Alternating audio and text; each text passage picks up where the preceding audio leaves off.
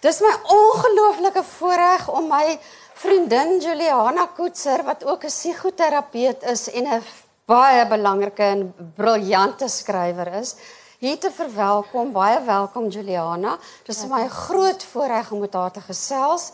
Um ek studeer nou juis sielkunde 3 en elke keer as ek iets in haar boek lees, dan dink ek Goeie, ek wens ek weet wat sy al weet wat I'm getting there en ek ja, dit is nogal baie moeilik. Ehm um, Juliana, ek het ek weet ons het almal vir jou leer ken deur jou jou absolute jou boek wat so goed verkoop het Bloedvreemd. Ehm um, daarin vertel sy van haar dogter wat breingestrem geword het en wat epilepsie en psigose en alles kry. Ehm um, hoe op die oomblik, ek wil graag 'n Engelse woord gebruik van hoe cope jy op die oomblik? Hoe hanteer jy op die oomblik werk, kind, skryf, alles? Goed, ehm um, dankie dat julle vir my kom luister. Is altyd vir my ongelooflike voorreg. Ehm um, ek wil net sê Anneke is hier. Ons het haar saamgebring. Hier sit sy tussen my man en my seun in die tweede ry. Ehm um, goed, uh, ek koop nie altyd nie. Ek moet nou eerlik sê, daar is tye wat ek wat dit met my beter gaan as ander tye. Ehm um, sy het maar 'n deurlopende agteruitgangsproses. So Ehm um, ons was nou vir 'n week in of so 5 dae in Kleinmond in so klein huisie en uh dit was asof dit dit so gekompakteer het dat ons gesien het eintlik hoeveel sy agteruit gegaan het.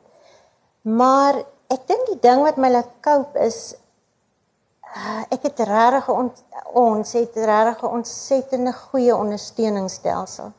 En ons het mense wat sê we've got you. En ehm um, so ek kan gaan sit by enige iemand uh, en hulle is hier ook en en ek en Vanus en ons kan sê dit gaan regtig met ons goed vandag nie en hulle luister en hulle laat ons toe om te sê wat ons wil sê. En jy het was so klomp vriendinne lees ek in jou boek wat so op die mat by jou kom kuier en wyn drink en dan dans hulle en alles. So dit is die manier hoe sy dit hanteer en ek dink is fantasties. Ek sien nou al vir Juliana. Ehm um, Nou, hoe kry jy alles gedoen? Want as jy 'n siek kind het, jy skryf, jy het al daai kliënte wat al hierdie hartseer en ontstellende goed jou vertel. Ehm um, waar kry jy tyd om nog te skryf? Ek dink dis omdat ek moet skryf. Ehm um, skryf is vir my 'n ontsettende belangrike manier van wegkom uit die realiteit eintlik en ehm um, ook my kreatiewe om my manier om my kreatiwiteit uit te lees leef. So ek wil skryf en ek moet skryf. Ehm um, maar dis snaaks, dit raak eintlik rustiger want die my seuns is uit die huis uit, hulle is groot manne en sy is by tye nie by ons nie. Uh wat sy mhm. groep vir breinbeseerde mense bywoon en so aan. So dan gaan dan het ek nou redelik tyd en ek skryf naweke. Maar ek moet sê, ek het verlede jaar oorkant jou geskryf en dis vir my soos 'n waas. Ek kan nie regtig eens onthou wanneer het ek dit geskryf. Ek het nou net van is gevra wanneer het ek hierdie boek geskryf? Toe sê hy ehm um, hy het dit naweke eh, ek het dit naweke geskryf. So ek onthou hy het op 'n stadium het hy 'n kursus bygewoon en hy moes 'n skripsie of 'n ding doen en ek onthou hy het so by die eetkamertafel gesit en ons het net sy rug gesien. So ek dink hulle het vir tye net my rug gesien. Ek weet nie daarvan. ha, ja, maar ek dink dit is ook 'n manier om 'n mens half sane te hou soos hulle in Engels sê om bietjie ja. te kan skryf. Ehm um, jy sê voor in die boek nog iets interessant. Jy sê waarheid en verdigsel is gekombineer sodat niemand herkenbaar is nie. Karakters en inhoud is aangepas, verander en gefabriseer. Onderwerpe is met groot omsigtigheid benader om vertroulikheid te verseker. So kan 'n mens met ander woorde hierdie boek oorkant jou beskryf as autobiografiese fiksie of soos hulle in Engels sê fiction. Ja. Met ander woorde, ja. daar daar's 'n stukkie wat fiksie gefiksionaliseer is en dan die realiteit van jou werk as psigoterapeut. Dis reg, ja. Ek moet net sê dat ek by elkeen van hierdie mense gaan toestemming vra het. So ek het na uh daar's baie van my uh, die mense wat in die boek geskryf word wat vir my gevra het op 'n stadium wil jy nie asseblief my storie skryf nie. Ehm um, so hulle het outomaties hulle toestemming gegee. Ek het ook elke storie wat ek oor hulle geskryf het met hulle deurgegaan en gesê verander dit wat jy nie wil hê nie en niemand het eintlik iets verander nie. Hmm. So ek het baie van die ehm um, die die die stories geïntegreer met ander goed. So niemand sin is net hoofsaaklik daai persoon se nie. Alhoewel daar is so twee stories wat hoofsaaklik net daai persoon se is. En dan is daar uh soos mense met wie ek baie jare gelede gewerk het, ek nog dus nog in die Kaap gebly het wat ek nie die toestemming voor kon vra nie want ek sou hulle nie in die hande kon kry nie, maar hulle is in uh, in 'n baie sterk minderheid en ehm um, En dan het ek die storie so verander dat daai persoon nie herkenbaar is nie. Ons was net natuurlik skuilname met ander woorde. Ja, dis skuilname en soos wat ek sê, stories is in mekaar mm. gevleg ook. Maar eh, die die hooftema van elke storie is die waarheid, die 100% mm. die waarheid. Mm. So as dit gaan oor uh iemand wat seksueel gemolesteer is of so, daai die die die tema van dit is daarin het ek nie verander nie. Dit bly oh, hoekom, die storie. Hoekom in jou werk is dit so belangrik om het, om vertroulik om dit vertroulik te hou? Ehm um, ek dink omdat vertroue vir my so belangrik is. Ek daar's nie 'n manier ek sal nie by iemand gaan sit en my storie mm. vertel as ek as ek weet daai storie word môre vir daai en vertel of daai en of so. Mm. So mm. die vertroue is uh, is geweldig belangrik en, en ek dink ook want anders moet mense 'n uh, kollektief inligting ag uh, of 'n stukkie inligting deel en 'n stukkie uitdeel, uh, uh, uitlos. En ek mm. wil dit hê nie. Ek wil hê ek is nogals ek kan dit kan my nogals irriteer as mense seker goed nie vir my wil sê nie, omdat hulle mm. bang is vir my oordeel, want dit is die laaste ding wat ek doen. Ek hou eintlik van die volle prentjie. Alles is hoe erg, alles is verskriklik. Dit uh al het jy iemand doodgemaak, ek wil dit weet, want dan kan ek en jy daarmee deel. Ja. Die die titel oorkant jou sê vir my dat jy is die kliënt wat oorkant Juliana die psigoterapeut sit, maar sy sit ook oorkant die kliënt, maar is daar nog iets wat die titel suggereer? Ja. Dit oorkant jou het ek bedoel as 'n um, as 'n intieme titel. Met ander woorde oorkant my uh, oorkant my is iemand, maar oorkant my kliënt is ook iemand. Ehm um, want ek word direk geraak deur daai persoon se wel, nie direk geraak nie, maar ek word ook geraak in die proses en ek word op 'n manier ook uitgedaag. Maar die een wat die boek optel in die winkel, oorkant hom is daar ook iemand wat ook 'n storie het. Mm -hmm. So oorkant jou is daar altyd iemand met 'n storie en niemand het dit nie. Alle mense het 'n storie. So dis hoekom ek die die titel so intiem as moontlik probeer maak. Dit almal eintlik in hierdie proses betrek word. En jy sê nou die kliënte wou verskriklik graag hulle stories aan jou vertel. Nou, is dit waar die idee vir die boek verskyn het of het jy in elk geval hierdie idee gehad om hierdie boek te skryf? Kyk, my droom is om fiksie te skryf. So ek begin elke keer met 'n storie en dan dink ek, o nee, dit gaan nie werk nie. Dan laat se kom. En wat ek gesien het is as ek begin om fiksie te skryf, dan het ek altyd iemand wat hier inkom en sy storie vertel wil hê hier in my kop. En toe het ek besluit elke storie wat ek ken moet nou uit my uitgeskryf word. Ehm um, sodat ek as ek nou gaan sit, dan moet dit verbeelding wees en niemand moet sy kop hier kom indruk nie. So ek het toe nou my bloedvreemd uiteindelik begin ek wou altyd skryf. Mm. En maar ek het nooit geweet wat en hoe nie. En dan begin ek met 'n storie en dan dink ek, "O oh nee, a uh, a." Uh. En toe sê Martie, my vriendin, eendag van my hele storie. Hoekom vertel jy nie hele storie? Mm. En toe ehm um, toe skryf ek bloedvreemd en ehm um, toe sien ek, "O, oh, okay, maar goed. Ehm um, ek hou eintlik hiervan en dit is my lekker om dit te doen." En uh oorkant jou, daai mense se stories sit in my kop vasgesteek. Mm. Ehm um, so so dit, sou jy sê dit was ook in 'n sekere sin vir jou terapeuties om hulle stories neer te skryf want ek kan dink dat dit nogal ontstellend is van van die kliënte se stories. Ehm um, kyk, ek het gesê met bloedvreemd ook het almal gevra was dit terapeuties en ek het gesê daar was geen terapie by betrokke nie, maar ek het dit nie gedoen ter wille van terapie nie, maar na die tyd het ek besef omtrent seker 6 maande na die tyd het ek besef ek is nie meer hierdie storie nie. So ek het gevoel ek het dit uit my uitgeskryf. Te skryf is eintlik regtig 'n ongelooflike goeie terapeutiese proses. En toe ek hierdie een skryf, ek het ook nie gedink dis terapeuties nie, maar ek het geweet hierdie stories moet uit my uitgeskryf hmm. word. Ek moet mm. daarvan ontslaa raak op 'n manier. Maar ek moet bysê. Ehm um, daar is mense wat my gevra het dat hulle storie vertel moet word. En iemand het my gevra, "Hoekom dink ek dit? Hoekom dink ek wil mense hulle storie vertel?" Mm, dis een van my vrae ook, ek wil dit graag weet. Ja. Ehm um, mense het almal stories soos wat ek sê. Party mense se stories is net baie meer intens en baie meer traumaties en ek dink dit gee amper vir 'n mens 'n betekenis om te weet ek het daai storie deurleef. Ek is ek is deur dit. Ek is ander kant uit.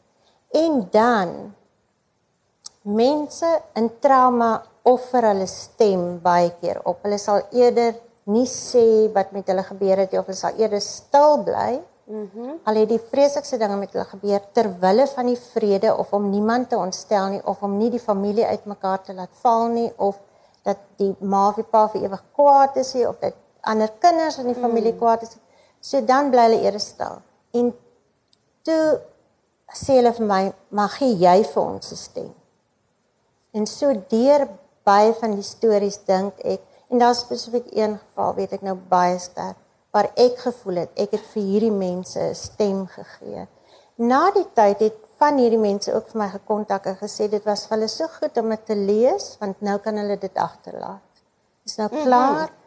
Hulle is nou oor en verby. Dis nou hulle closure. Hulle kan nie vind. Dit is absoluut so. Ek daar's 'n stuk waar ek nou nie gaan uitwy nie, maar waar waar ek absoluut kon identifiseer wat in my gesin ook gebeur het, was nie kindermolestering nie, maar dit was erg genoeg.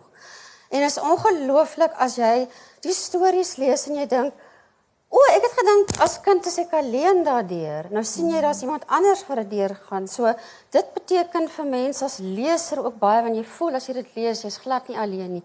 Mm. Maar nou is dit vir interessant dat julle psigoterapeute verwys na kliënte en nie as pasiënte nie. Wat wat is die rede?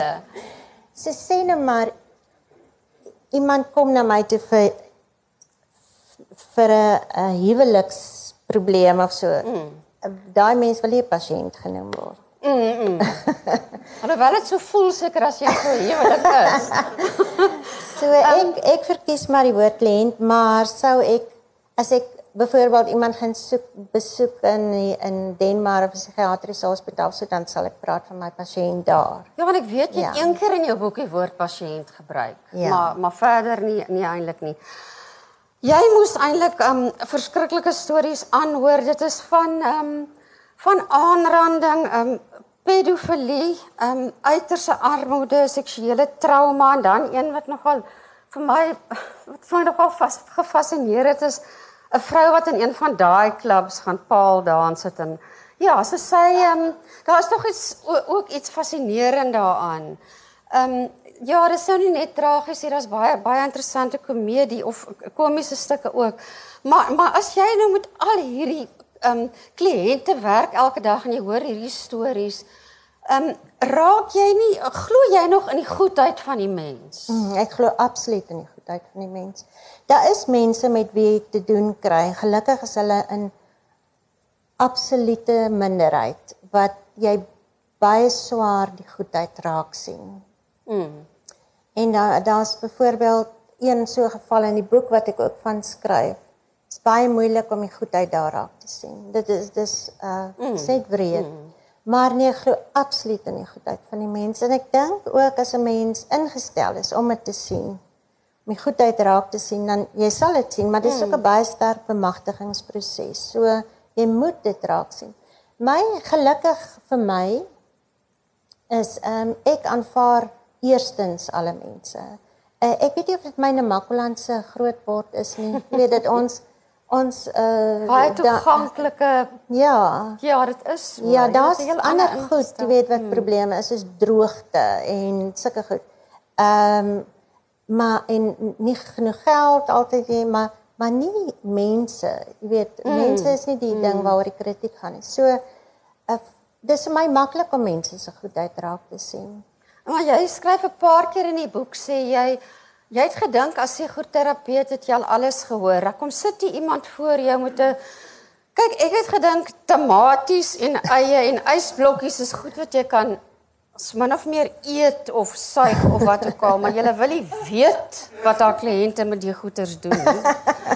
So hoe um dit klink dat tongetjies maar eintlik baie tragies, maar hoe hou jy nou, ek weet nie wat in Afrikaans is nie, maar hoe hou jy 'n straight face as iemand sulke goed vir jou vertel en jy het gedink jy weet byvoorbeeld alles van seks en nou hoor jy hierdie goeters.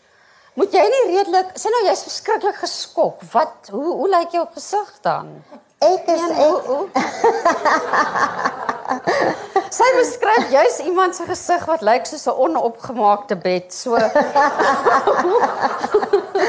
Hoe lyk jou gesig? Dis my pa se, my pa het so baie plooie gehad. Ek sê my pa se gesig lyk soos 'n onopgemaakte bed. Ehm um, ek hou nogals nie 'n stryd face nie. Ek ek kan my inleef in stories en ek is saam met die mense ontsteld ek kan regtig verskriklik verstom en verbaas wees oor sekere goed. Ek kan dit nie wegsteek nie. Mm, mm. En ek kan ook as iemand vir my byvoorbeeld en daarmee kry ek nogal swaar ek het al baie gewens dit is nie so nie. Maar as iemand vir my byvoorbeeld vertel wat hy of sy as kind deurgegaan het, 'n uh, vreeslike traumatiese insident, kan ek nogal trane in my oë kry daaroor en dan kan daai kliënt met 'n strydfys sit. En dan is ek die een wat die trane mm. in die oë kry. So kinders, kinders se traumas kan my verskriklik ontstel en dis hoekom ek besluit het om nie met kinders te werk ook nie.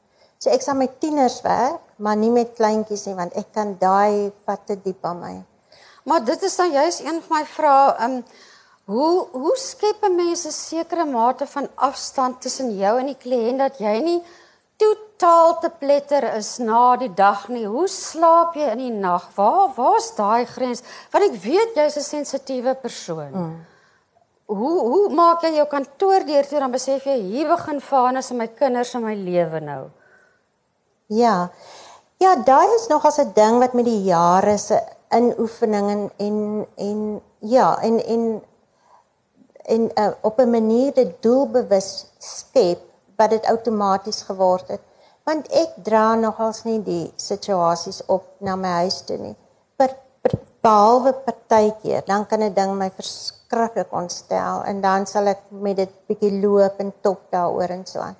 Maar as ek in die kar ry dan kan ek nogals oor mense sit en mm. dink mm. en so aan en dan kan goed ook in die plek val maar is nie asof dit my dan baie diep emosioneel raak nie ek dink die ding is ook omdat ons in elk geval 'n uh, ernstige en 'n moeilike situasie bo die trappe het. So in ons huis is daar so vyf trappies af na my kantoor toe.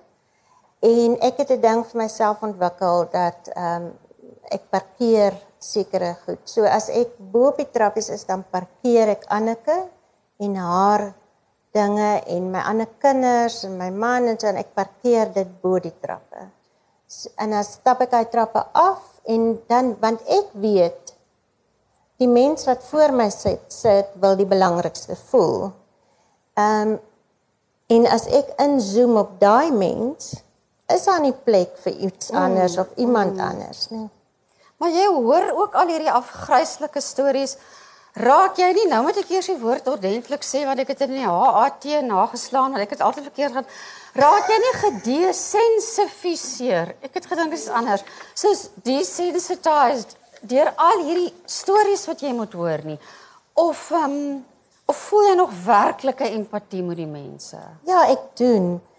Ehm um, Ek doen miskien omdat ek met 'n wye verskeidenheid werk. As ek nou elke dag gewerk het met kapings of iemand wat 'n pistool teen iemand se kop hou vir vir 'n kar vir 'n kap en dan mm. dink ek sou ek op 'n stadium sou ek dan daai groot woord mm. moes doen.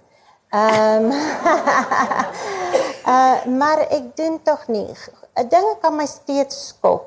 Ehm um, en dit kan nog vir my redelik ontstel. Ehm um, Ja, so ek, ek dink net om terug te kom na die vorige vraag. ek het daai ding vir myself aangeleer ook dat as ek klaar is met die kliënte vir die dag dan trek ek die deur toe. En onthou ek werk tot laat ek werk party aan tot 8 uur half 8 8 uur. Ehm um, want baie mense kan nie mos net na ure sien. Ehm um, so uh, en dan maak ek die deur toe en dan stap ek op met die trappe en ek uh, en en ek los daai daaronder ek parkeer dit daaronder is soos uh luister is vir my ontsettend belangrike uh tool wat ek gebruik, maar ook in my eie lewe. Ek kan verskriklik omgekrap raak as mense nie kan luister vir mekaar nie. Ehm um, Maar een van die kliënte het nou juist vir jou gesê dat sy wil elke mens wat in jou kantoor sit wil voel So dis jou enigste kliënt. Ja. Sy wil regtig spesiaal voel. En ek dink dis hoekom hulle ook hulle harte oopmaak. Maar nou een van die fascinerende aspekte van hierdie boek vir my is dat sy skryf ehm um, sy het nou hierdie hierdie hierdie klomp insidente, maar dit word alles met 'n goue draad aan mekaar gelas deur die feit dat jy begin redelik in jou loopbaan vroeg en dan sien 'n mens duidelik haar ontwikkeling as mens en haar ontwikkeling as psigoterapeut. So dis so half 'n samebindende faktor. Maar as jy nou die die net hier en daar vir my moet iets noem van in watter opsig het jy het jy ontwikkel? Noem net twee kort praktiese voorbeelde. So, ehm um, ek dink ek het eerstens dink ek ek het regtig vertroue ontwikkel uh mm -hmm. in mhm. myself en in my vermoë. Kyk, as 'n mens begin met enige werk Um, maar veral in hierdie rigting dink ek is dit gaan dit oor teorieë en teks. Weet, mm. so met ander woorde jy is die hele tyd besig met waar pas hierdie mens in. So dis jou realiteit. Ek het hierdie uh, psigiater vriendin en sy sy het op 'n stadium in Weskoppies gewerk. So ek het altyd gesê ons is nooit van Weskoppies ontslae nie want ons kan sit en koffie drink dan sal Elsje deur in die hoek sien o daai een is obsessief kompulsief. So ek is nou tweede of derde jaar, ek weet presies, ek het al die siektes in daai aantekeninge. So ek het altyd gesê, ja, dis Ilse se realiteit daai, dit het haar realiteit geword. Maar ek ek en dan later is dit nie meer nodig om die hele tyd die teorieë en so aan te onthou nie. Hmm. Want jy begin ehm um, 'n vertroue ontwikkel dat jy die vermoë het om te kan sien en te kan weet. Ek dink ook dis met die ouderdom ou ouer word, uh, uh met ouer word. Ehm um, dat 'n mens ehm um, later jou instink vertrou. En ek het 'n doelbewuste keuse op 'n stadium gemaak om daai teorieë en die daai goedes te laat gaan sodat ek Ehm uh, want ek dink in elk geval dit gee net vir mense soort van 'n verwaandheid. Ehm um, mm. sodat uh, en ek het besluit ek moet staat maak op die innerlike wete. En dit help my ontsettend baie. Ehm um, uh, ja, want dit gee my so vertroue in jouself. Want want wat wat ook hulle sê altyd as jy wil ordentlik skryf, dan moet jy ontsettend eerlik skryf wat nie altyd so maklik is nie want ek bedoel jou ma en jou skoonma leef nog so seker ja. moet jy nie sê nie. Ehm um, maar Juliana jy laat blyk jou menslikheid en wat ook deurkom is jou menslike swakpunte wat ek tussen aanhalingstekens sit. Mm. Nou hoe en hoekom is dit so belangrik? Is dit 'n kwessie van as die kliënt weet jy is ook menslik dan maak hulle meer oop of hoe hoekom hoekom skryf jy so ongelooflik eerlik en is jy so ongelooflik eerlik? Ek het daai vraag in bloedvreemd ook gekry. Dis interessant want ek is eintlik 'n privaat mens. Ja, dit is so. Mense, nie almal ken my baie goed nie. Ek wys my ook net vir ook nie vir almal nie. Maar ek en jy het lekker wyn gedrink en toe wys jy my. ja, maar as jy wyn vir my gee, se kan ander mens. maar goed, okay. Ehm uh, ja, dan is ek pri baie privaat. Maar toe maar. Ehm um, ek ek is ek dink ek hou van eerlikheid. Ek hou daarvan as iemand ek kan werk met eerlikheid. Ek kan nie mm. werk met valse voorwendsels en met ek weet baie keer dan sal 'n vrou vir my vertel haar man het 'n affair en dan sit die man voor my en dan wil hy dit nie vir my sê nie. Dan dink ek, kan jy net vir my dit sê want dan kan ek en jy met dit Mm. deel want mm. ek kan nie judge, ek is net nie 'n mens wat judge. Jy weet so Ah, so kundige hoort ook nie te Ja, beoordeel nie. ja, Dit is so- nou maar net een. Maar En uh, ek sê so ek wil net ek wil net dit sê. Met bloedvreemd het die eerlikheid ehm uh, baie beteken vir ander mense. Ek het die ander dag het ek weer 'n brief gekry van 'n vrou wat gesê het ehm um, el want sy het ook 'n gestremde kind en sy het gesê elke ding wat ek gesê het is presies die emosie wat sy ervaar. Ehm um, so ek dink dit het my laat besef ek was ontsettend bang vir die oordeel. So terwyl ek bloedvreemd geskryf het, het ek heeltyd gedink wat gaan mense hiermee doen? Wat gaan hulle hoe gaan hulle my veroordeel? Want dit is vreeslike goed wat ek sê by tye, jy weet. En ehm en ek het nie een stukkie kritiek gekry daarop nie. So ek het eintlik besef het eerder respek vir jou gekry dat jy bereid is om ons almal se gedagtes te verwoord. Almal van ons het 'n donker kant. So jy as jy dit sê dan dink ek kan mense daarmee identifiseer. Een van die goed wat my wat ek baie fascinerend vind van jy kry daar's baie aggressiewe mense op hierdie aarde en baie van hulle is mans en baie van hulle is in die huwelik veral as jy lees al haar gevalle studies is in die huwelik ongelooflik aggressief. Ehm um, maar toe sê sy aggressie is eintlik gevriesde trauma. En dit was vir my interessant. So met ander woorde, iemand wat aggressief is, daar het iets in sy verlede gebeur wat hy nie verwerk het nie. Verstaan ek dit reg? Ja, dit kan so wees of party mense, dit hoef ook nie 'n trauma te wees nie. Dit kan net 'n mens se go-to plek wees. Dat iets gebeur en iemand raak net outomaties kwaad. So dan raak daai kwaad of daai aggressie raak so amper deel van daai mense bestaan en eintlik as ek nou met tegnies raak, is 'n emosie 'n chemiese stof wat in die liggaam of in die liggaam neergelê word as 'n chemiese stof. So die liggaam raak gewoond aan daai emosie. Hmm. En daarom is daar mense wat maklik dan soontoe gaan. Dit is maar die tipiese oorlewing en die tipiese veg en vlug reaksie. Ja, maar baie raak ontstel as die ketel se draad nie perfek reg opgerol is of die margarine bakkie staan op verkeerde plek. Ja. Dis nie iets waaroor jy eintlik behoort 'n drama te maak nie, is dit? Ja, dit is so, maar die ander ding is ook dan kry jy mense wat vinnig en dit kan enigiemand wees, dit is nie aan 'n geslag gekoppel nie, wat vinnig in die aggressie kan ingaan of in die kwaad kan ingaan en sien dat hulle beheer kry daardeur. Hmm. So ander mense raak bang, spring op aandag en please hulle. So die oomblik as hulle daai gevoel Okay. kry, dan begin ja. so vrees en kwaad loop eintlik maar so hand aan hand. Ah, oh, dis interessant.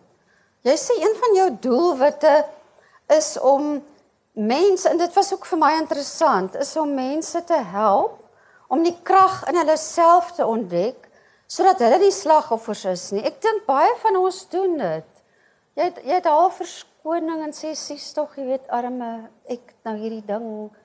Ehm um, maar dis nie die manier, die beste manier om probleme te hanteer nie. Nou as jy 'n praktiese voorbeeld kan noem vir my, hoe hoe laat jy iemand die krag in homself ontdek en het ons almal krag in onsself? alle mense het mense is net nie uh gekonnekt daaraan nie. Hulle is net nie bewus daarvan nie, maar alle mense het so dit sien ek nogals as een van my hooftake in my werk, ook omdat ek dit met myself moes doen, was om die mens bewus te maak van die krag wat hy in homself hmm. Want baie mense uh, uh dit maak jou 'n tipiese slagoffer. As jy dink dis altyd iemand anders se skuld, daai mense het dit aan my gedoen en daai mense is die oorsaak van my probleme en daai mense doen dit en dit. Ehm um, uh, is dan om daai ding om te draai en te sê okay goed, maar wat is my verantwoordelikheid hierso? Mm -hmm. So dit ek ek glo dat as mense hulle verantwoordelikheid sin kan ontdek en kan verantwoordelikheid vat vir hulle lewens, dan kom hulle terug in daai krag. Maar ons verloor dit almal op 'n manier langs die pad of ons net nie bewus daarvan dat ons dit het nie, omdat ehm um, sekere dinge met ons gebeur en dan offer ons dit letterlik op. Ehm um, Maar mens moet eintlik jouself heeltyd daaraan herinner, nê? dit is so ja. Ons het 'n term wat ons gebruik is uh, jy gee jou power weg.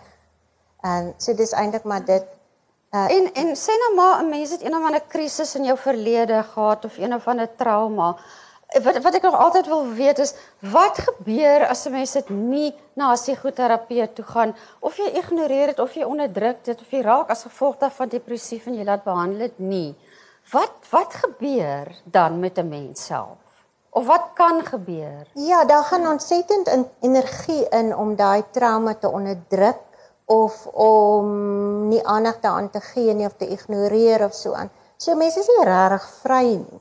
Mm -hmm. Jy weet, ehm uh, meeste mense het maar een of ander iets ergens in hulle lewe ervaar. Uh enigiets is trauma. Trauma is enigiets is trauma tot van egskeiding tot uh slegte verhouding. Enigiets kan trauma wees. De, depressie en trauma veroorsaak ook depressie. So wat gebeur is daai mens loop die hele tyd dis soos 'n sak wat jy oor jou skouer dra. Mm. En en en jy bly in survival. Met ander woorde jy moet die hele tyd jouself beskerm en jy raak uh verdedigend. So plek dat jy kan jy het nie die toegang tot vrye keuse nie.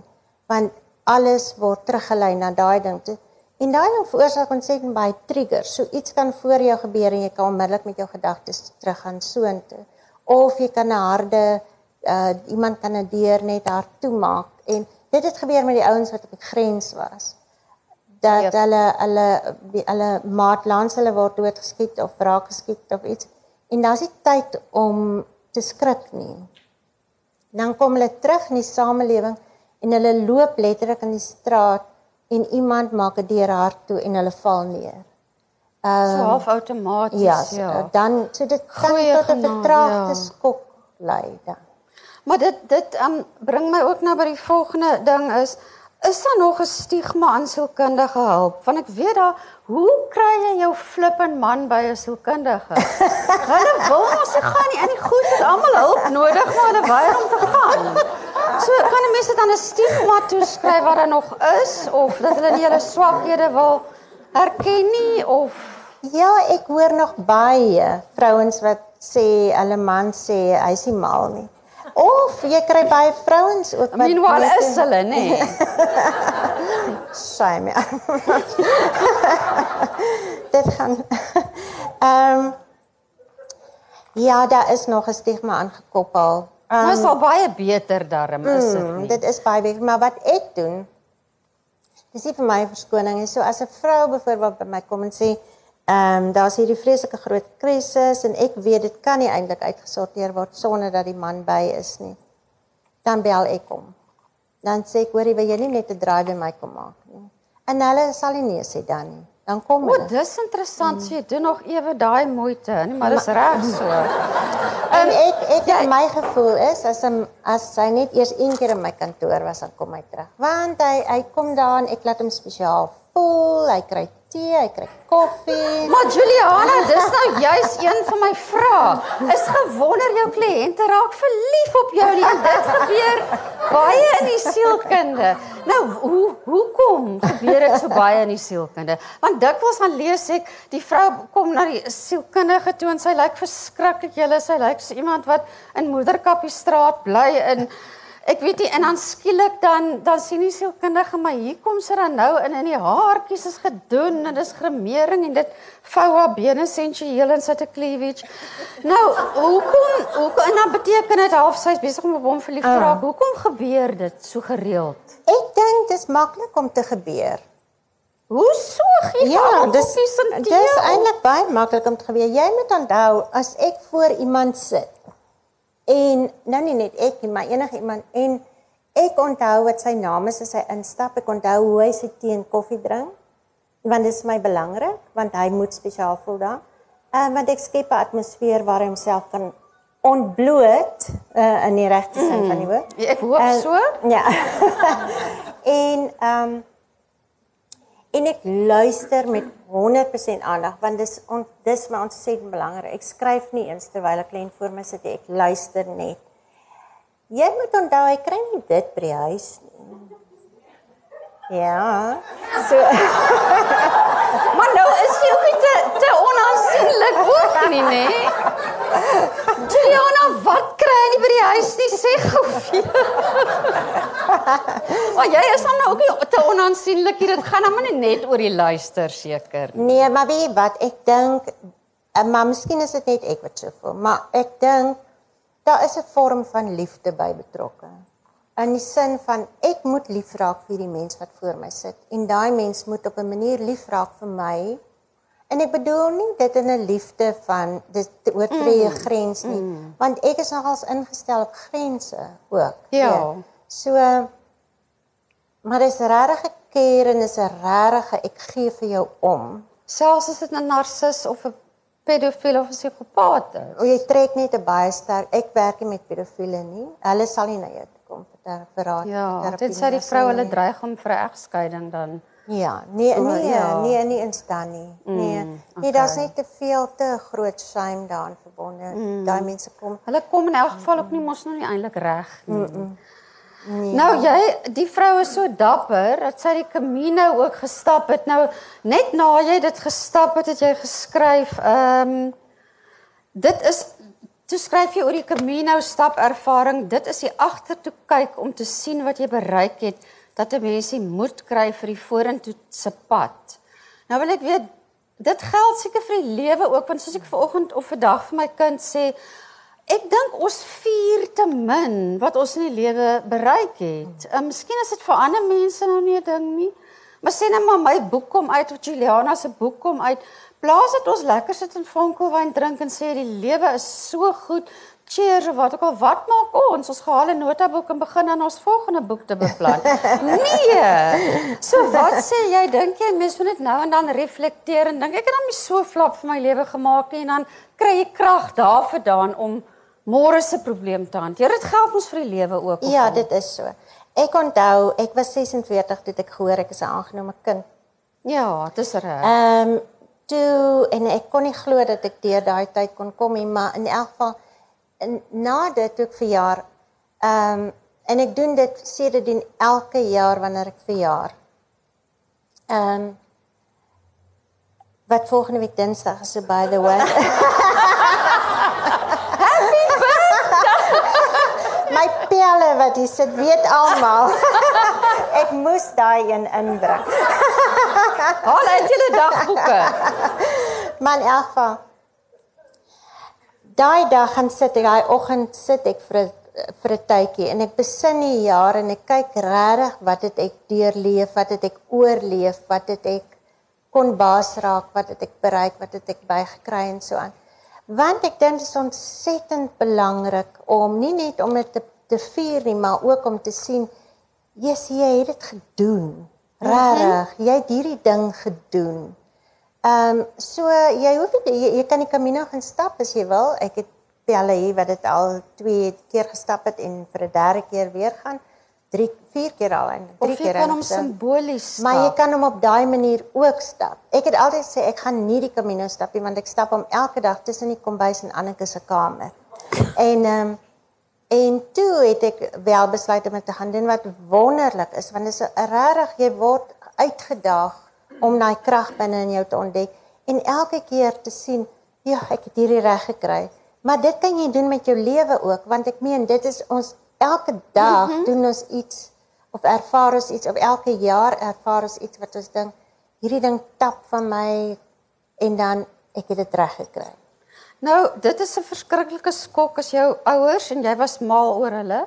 Maar as jou ouers vir jou op 46 sê jy's aangeneem, natuurlik begin baie dinge dan sin maak, maar dit bly 'n ontsettende skok op 'n manier. Hoe belangrik dink jy is dat 'n mens vir jou kind dit van jongs af sê en dink jy daai tyd dat jou ouers jou net wou beskerm daarteen. Ja, my ouers wou my definitief beskerm. Maar dit was eintlik my pa se storie. My pa het gesê ek mag nie voel ek is nie hulle kind nie. Maar 'n mens op 'n manier voel 'n mens dit aan. Ehm um, daar's verskeie goed wat ek net nie kon verstaan nie.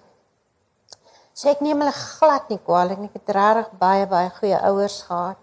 Ehm um, Maar hoe het jy jou kennis van die sielkunde ook gebruik om dit op 'n manier te kon verwerk om sin te maak daaruit om aan te gaan met die lewe? Nee, in op daai oomblik het um, sielkunde by die agterdeur uit verdwyn. Ehm um, dit is 'n dis 'n ongelooflike skok. Al al vermoed 'n mens iets is reg, maar dit is 'n verskriklike skok as jy weet jou storie is het 'n ander kinkel in. maar dit het ook 'n baie groot bevryding gebring binne in my want ek het alles het 'n sin gemaak en ek het geweet o, okay, goed, ek was nie mal nie wat ek gedink het ek was. Vir baie lank het ek gedink daar's iets in my wat nie reg is nie. Ek is miskien 'n bietjie mal. En toe het dit ehm uh, toe dit sin gemaak het ek geweet o, okay, goed. 'n Mens op 'n manier het 'n mens 'n intuïtiewe gevoel. Ja. Maar ek wil sê ek het daarna ontsettende dankbaarheid gekry. Ontsettend dankbaar dat my lewe uitgewerk het soos dit het. En weet wat, 'n ander ding is dit. Ek het 'n ontsettende liefde vir die lewe. Ek het besluit, ek gee regtig nie om deur wie se baarmoeder ek gekom het nie. Die feit dat ek hier is is vir my genoeg. Wow, dis pragtig. En sy En ons natuurlik 'n ontsettende verhewe doel eintlik met jou lewe want ek kry nou koue rillings want anders het ons nooit vir bloedvreemd in hierdie ongelooflike boek van jou gelees nie. Um, maar ek moet nou vir julle sê, sy's dan nie net 'n wonderlike psigopaat en 'n ma en ag.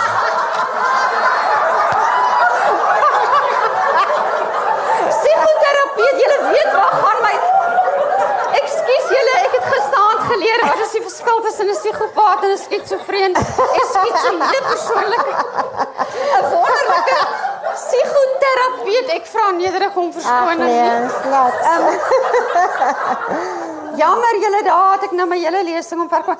Maar jy skryf ook verskriklik mooi. Um een van die um, omdat ek 'n jazz liefhebber is, was dit vir my so lekker. Sy sê uh, een van haar kollegas nou as ek vir Sonja in musiekterme moet in musiekterme moet beskryf, dink ek jazz impromptu, onvoorspelbaar en veranderlik. Nou die vrou kan skryf. Nou ek wil weet net gou kortliks, um, hoe het jy in die skryf wêreld beland? van 'n psigoterapeut na 'n skrywer. Ehm um, ek het 'n baie groot liefde vir woorde. Daai ding wat mense met musiek kan doen. Ek onthou my ek my wat die ding wat my na Vanus aangetrek het is hy het ons het eendag in 'n kar gery in die kar gery en toe is daar musiek wat hy luister en toe kry hy trane in sy oë oor die musiek. En daai doen woorde vir my. Ek kan letterlik iets lees en in trane uitbars so mooi is dit vir my. So woorde was nog altyd deel van my en toe ehm um, het ek in standaard 9 Afrikaanse onderwyser gehad, meneer Vermaak, mm -hmm. Jan Vermaak. En hy ehm um, ek onthou want ek was in Springbok en ek meen jy weet, dit wat ons van gedigte daar weet. Ehm um, en en hier kom hy en hy lees hierdie gedigte voor en ek het gedink dit is net die mooiste goed wat ek al ooit in my lewe gehoor het. En toe my eerste boek bekend gestel is hier by die Book Lounge in in Kaapstad, was hy daar. Jy was daar? Kontak. Ek was daar. Ja, ja. En ja, ja. toe het hy was hy nie gehoor en ek het vir hom gesê meneer vermaaks oor jou wat ek skryf, want hy het vir my oh. daai liefde gegee vir die taal. Jammer, mens so. kry maar min sulke onderwysers deesdae. Ja. Maar jy praat nou met ek ek joke nou maar jy praat nou van Vanus, nou net gaan my tweede laaste vraag. Dit is hom seker nie vir hom maklik om met 'n psigoterapeut getrou te wees nie. Wat se tipe van ondersteuning bied hy of lê jy in sy arms as as jy huil of sê hy kom nou kom nou kom nou kom nou reg of hoe of kook hy dan vanaand 'n kossie of wat hoe werk dit nou? Ek moet sê hy kook amper elke aand. Hy is 'n ontsettende goeie kok. Hy's ook van daai wat die petersilieblaartjies so neersit en so. En hy's hy's nogal so 'n fyn kok. Ek hou van rysvleis en aardappels. Ehm um, O ja, ek kan hom lekker sop maak ook. Maar ehm um, hy uh hy doen daai ehm um, my kliënte wat laat in die aand kom, hulle raak so honger as hulle daar uitgaan hulle kry al daai reuke van die kombuis af. Hy's hy's 'n baie goeie ondersteuner. Hy's 'n praktiese mens. Hy is doen dinge en so aan. Eh, maar ek kan vir jou sê, ehm um, ek glo nie ons het die volmaakte huwelikie want ek wil dit nog sien, maar ons uh, hy is die volmaakte pa vir Anneke. Ah, oh, dit is ongelooflik. Um, as as ons nou oorkant jou klaar gelees het, wat sou jy wou hê net in een sin moet wat wil jy hê moet lesers sê of dink as hulle die boek toe maak? Sjoe, ehm um, ek eh, ek ek, eh, ek sou graag wil hê mense moet hoor hulle is nie alleen nie as hulle in 'n situasie was wat dieselfde is as wat iemand ervaar het. Ek sou wou hê mense moet hoop hê en compassion ontwikkel vir mense wat wie se stories hulle nie ken nie en dat selfs agter die oortreder gaan ek maar sê is ook 'n storie. Ehm um, en nie net oordeel voordat hulle nie die hele prentjie gehoor het nie. En dan sal ek graag wil hê mense moet sê elke goed ehm uh, ek besef dat as ek kan deur dit kom waar waarin ek is en miskien moet ek by iemand gaan sit oorkant iemand anders gaan sit. Oh, nou nou my laaste vraag wil ek nou net twee goed sê. Die een is die, die boek is nie net tragies. Jy gaan nie net huil nie, jy gaan vreeslik lag vir 'n karakter soos Venicia, wat die prostituut met wie sy bevriend het, maar sy sê eintlik is haar alter ego. Nou ek gaan nie van vra of die vrou regtig bestaan het. Nee, sorry, nie oor sy prostituut is nie, maar oor sy sekere sekere woorde verwoord het en so. So jy kan gerus die boek lees. Ek het baie keer kliphard gelag daarom ook. Nou, laaste vraag gegaan oorkant jou, ehm um, wat is jy is jy nou besig om 'n brooi daar iets in daai rooierige koppie van jou of wat wat soos wat's volgende? Ja, ek ek was nou kom nou van 'n skrywers uh werkswinkel af uh, in Stilbaai, die eerste Honey Rust uh, skrywerswerkswinkel wat gehou is. Ehm um, en Ingrid Winterbag en Eben Venter en Corneel Spruitenberg was ons uh het ons geleer in daai tyd. Ek het ontsettend baie geleer. Ek is so begeesterd om te gaan skryf. Ehm um, so ek gaan definitief my volgende boek is fiksie. Ja. Fiksie. Ja. Ach, wonderlik. Maar ek gaan 4 jaar daarmee besig wees. Ek glo dit. Ag, jene julle um, al wat ek kan sê is koop die blerrie boek. En um, verskriklik baie dankie dat julle almal hier was. Dit is 'n voorreg as julle so mooi geluister het. Dankie. Ek is nie vir vrae. Ja, ja, ja, ja, ja, ja. Enige vrae vir Juliana? Julle het omtrent so 3 sekondes, maar julle is baie welkom. Enige vrae daal? Goed.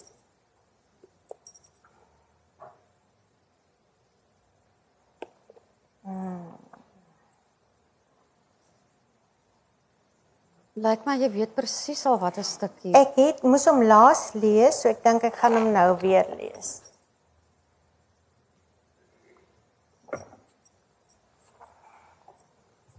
Goed, ek um, skryf vir Rina. Die van julle wat die boek gelees het, Rina was um, ons kantoorbestuurder by die kantoor in um, Goodwood. Ehm um, en dit op 'n manier som dit vir my my werk op en baie dinge van mense ook.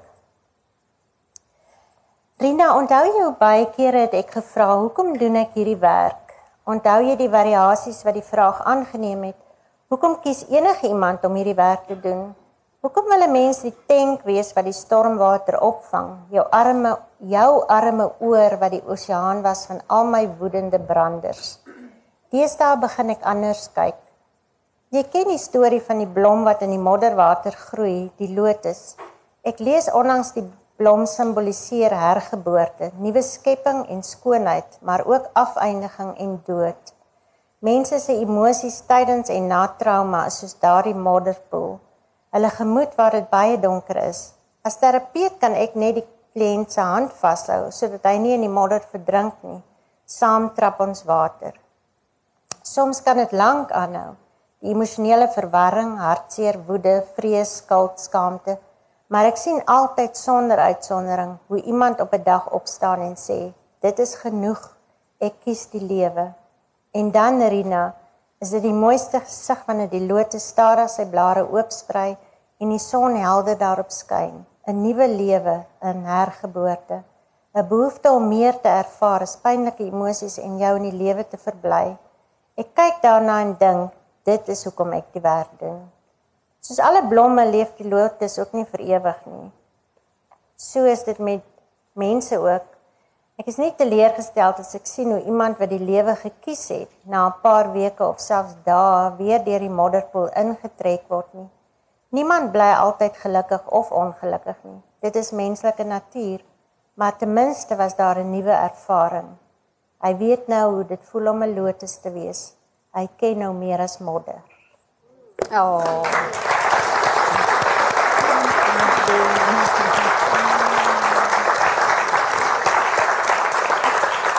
Dit was nog klaar maak.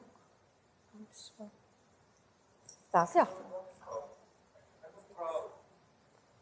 Hoe lank bly jy geduldig om die goeie iemand te sien? Uh, voor jy so verwys byvoorbeeld, of te weer ontdek kom en jy kan so 'n persoon nie verder begelei nie. En die tweede deel, die tweede vraag wat ek wil saamvra is, hoe belangrik is dit vir die terapeut om uitdagings te sy om haar eie lewe uit te sorteer om iemand anders te kan sin volg? Ja, dankie. Ek dink ek gaan jou tweede vraag eers antwoord. Dis baie belangrik dat 'n terapeut hom of haarself uitsorteer. Al is dit 'n proses, want dit is mos maar eintlik 'n proses, maar anders is 'n mens die hele tyd besig met oordrag en jy sien jouself in die ander persoon of jy sien daai persoon verteenwoordig iemand of iets in jou eie lewe. So dis baie belangrik om daai ding te kry en te weet jy het altyd 'n keuse wat jy hier kan doen. Uh jou ander vraag was Ehm um, hoe lank bly mens geduldig om die goedheid in iemand anders raak te sien of om 'n streep te trek? Goed. Daar is mense wat kies om om mislike mense te wees. Ehm um, daar's mense wat dit wil wees. Daar's mense wat kies om moeilik te wees. Daar's mense wat nie anders dit anders ken nie, wat kies om slagoffers te bly, kies om kwaad te wees en waarin jy dan niks kan doen op 'n punt nie en hulle wil ook eintlik nie dit anders doen en verander nie. Dan kan jy reg maar die streep trek want dit is belangrik om jouself te verwy. Ek gaan as terapeut het jy nie daai keuse nie, maar as mens andersins het jy daai keuse om jou te verwyder uit daai geselskap of uit daai persoon se teenwoordigheid uit. Daar is mense, ek het ek weet net so 3 weke gelede het ek vir 'n vrou gesê ek gaan nie aan jou huwelik werk nie. Want ek weet dit is chaos en hulle bly in chaos en dit is dit gaan net van chaos 3 dae beter chaos. Ek kan nie meer my energie daarmee mors nie, kan nie. So daar is 'n punt waar 'n terapeut sê met jou kan ek nie werk nie. Ek werk byvoorbeeld glad nie met 'n abuser nie. Ehm um, iemand wat vrouens of ander mense slaan en mishandel ek kan nie met hulle werk nie want on, dit is so daar's so sterk verdediging dat hulle in elk geval ehm um, hulle wil nie hoor nie. Hulle wil ook nie die spieël hou om te sien dit is wie en wat ek is nie. Dan kan jy die streep trek en sê ek hoef nie met jou te werk nie. Laaste vraag? Ja. Ek wil net vra narciste. Kan 'n mens in 'n huwelik met 'n narcis getroud bly? Dit is 'n vraag wat Riet ook vir jou kan beantwoord want sy het 'n goeie boek daaroor geskryf. Ehm um, dis baie moeilik. Narciste kan beter raak soos wat hulle ouer raak, maar is baie moeilik. Die ding wat ek dink ons moet besef is ons is almal op 'n manier narciste. Dit is net 'n graadverskil. So mense is almal selfgerig. Dit gaan oor jouself. Dit is hoe die mens is. Dit is hoe hy opereer, dis hoe hy ingestel is. Dit is ook 'n baie sterk oorlewingsbeginsel en as dit nie daar was nie, het die mens teen teen nie oorleef nie. Maar daar is tog 'n punt wat ons sê, wat kan ek doen terwyl van jou? So en dis ook 'n ding wat moet ontwikkel terwyl die narcis is nie so ingestel nie. Sy dit gaan alles oor sy eie behoefte bevrediging vir ewig en altyd en hulle, dit kan geweldig distrakte vra, maar hulle kan beter raak indien hulle sou insig kry. En ook hulle sê jy raak 'n beter narcis. Met ander woorde, jy as as jy sê nie meer ek is bly die donder se hondjie van jou is dood nie want hy het vir my in elk geval gebyt of hy was vuil of wat ook al.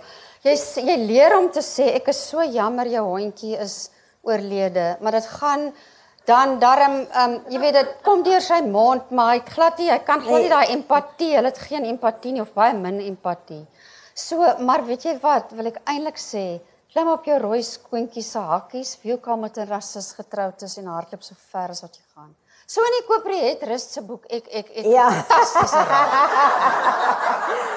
dankie almal Ek dink daar was O, okay. Dankie Riet.